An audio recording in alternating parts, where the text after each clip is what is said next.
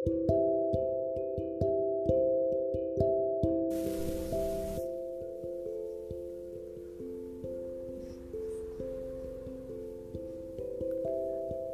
cerita hari ini?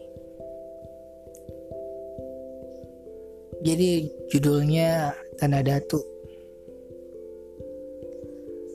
Pertama kali melewati peristiwa yang tak biasa dalam hidup saya. Mencoba merasakan sepanjang perjalanan di Tanah Datu Risopeng.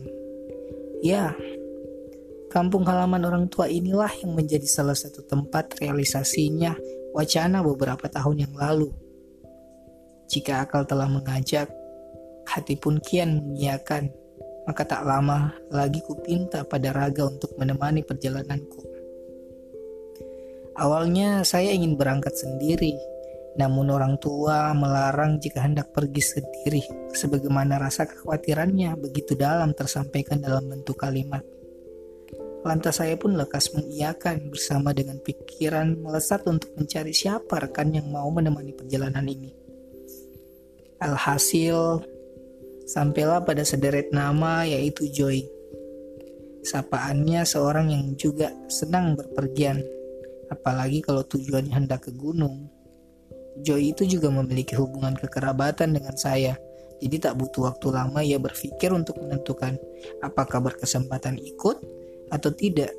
Apalagi momen ini perdana bagi kita semua. Jadi ada semacam dorongan yang kuat mengiringi rasa penasaran kami. Hmm, janji tidak selamanya antara sesama manusia. Janji dalam diri juga sama tuntutannya. Kita selalu menanti kapan niat itu mampu kita tunjukkan bagi diri yang pernah mengharap.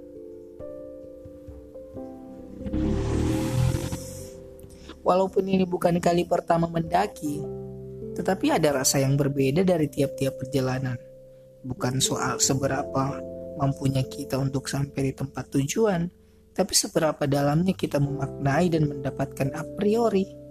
Jadi a priori ini adalah uh, ilmu yang kita peroleh lebih tenang, lebih nyaman, dan lebih banyak mensyukuri segalanya.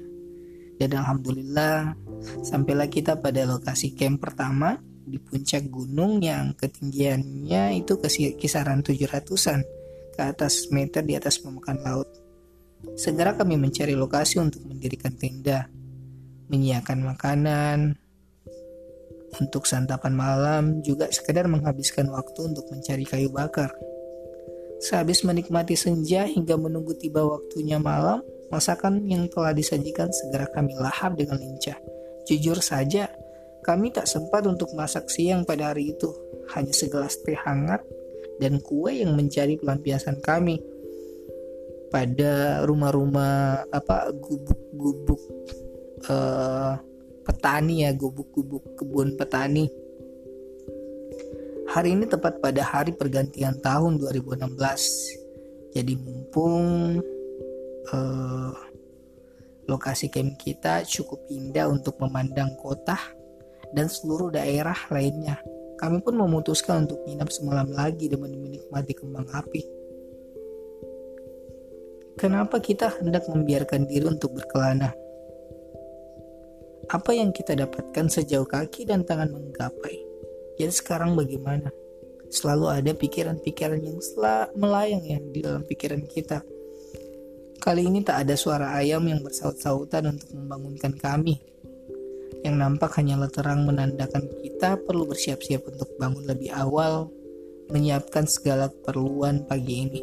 Sebab sebentar lagi kita akan melanjutkan perjalanan melewati punggungan gunung dan sebagai sarapan kami pun bersiap-siap merapikan segala peralatan dan bekal memasukkan satu persatu ke dalam kerel.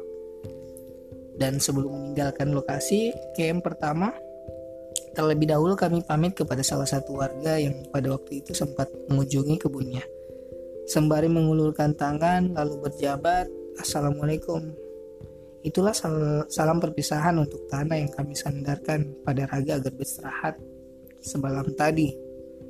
Dalam perjalanan melewati hutan belantara, melintasi sungai, menyusuri jalan-jalan sempit, berlomba dengan waktu yang kian berbacu dengan matahari, ini kali dua.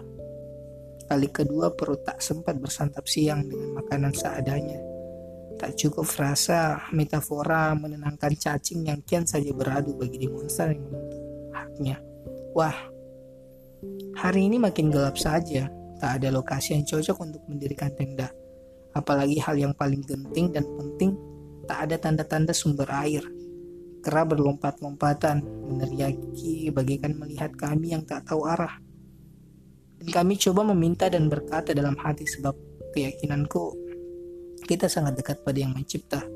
Jika berkomunikasi dalam hati, tak butuh waktu lama, Tuhan pun membalas lantunan itu. Kami mendapatkan dua jalur arah terlihat di depan mata.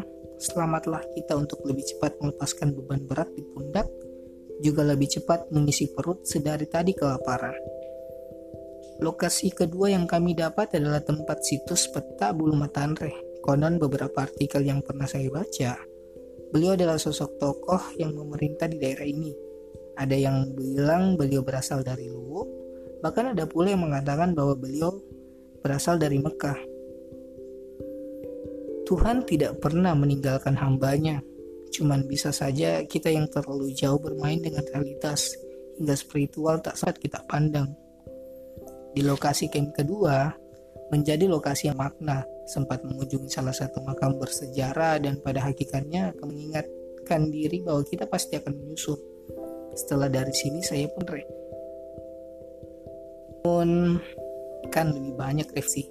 Setelah melewati malam di Kempa, di tempat ini pula kami harus memutuskan untuk melanjutkan perjalanan ke lokasi lainnya atau kembali pulang.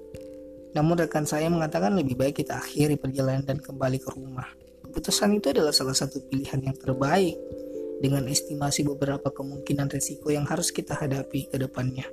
Jika melanjutkan perjalanan, belum lagi untuk kembali pulang kita kita masih harus menginap semalam, kemudian berjalan kaki lagi hingga sampai pada daerah terendah. Melangkahkan kaki saja saya sudah merasa puas karena niat telah tersampaikan. Berkelana di pegunungan Sopeng, hampir seminggu kami berada di sana banyak beberapa hal yang belum sempat kuceritakan, tapi dari tulisan ini yang mewakili cerita lainnya. Uh, ini adalah uh, perjalanan saya waktu uh, kalau uh, kurang lebih 2016 ya, kalau tidak salah.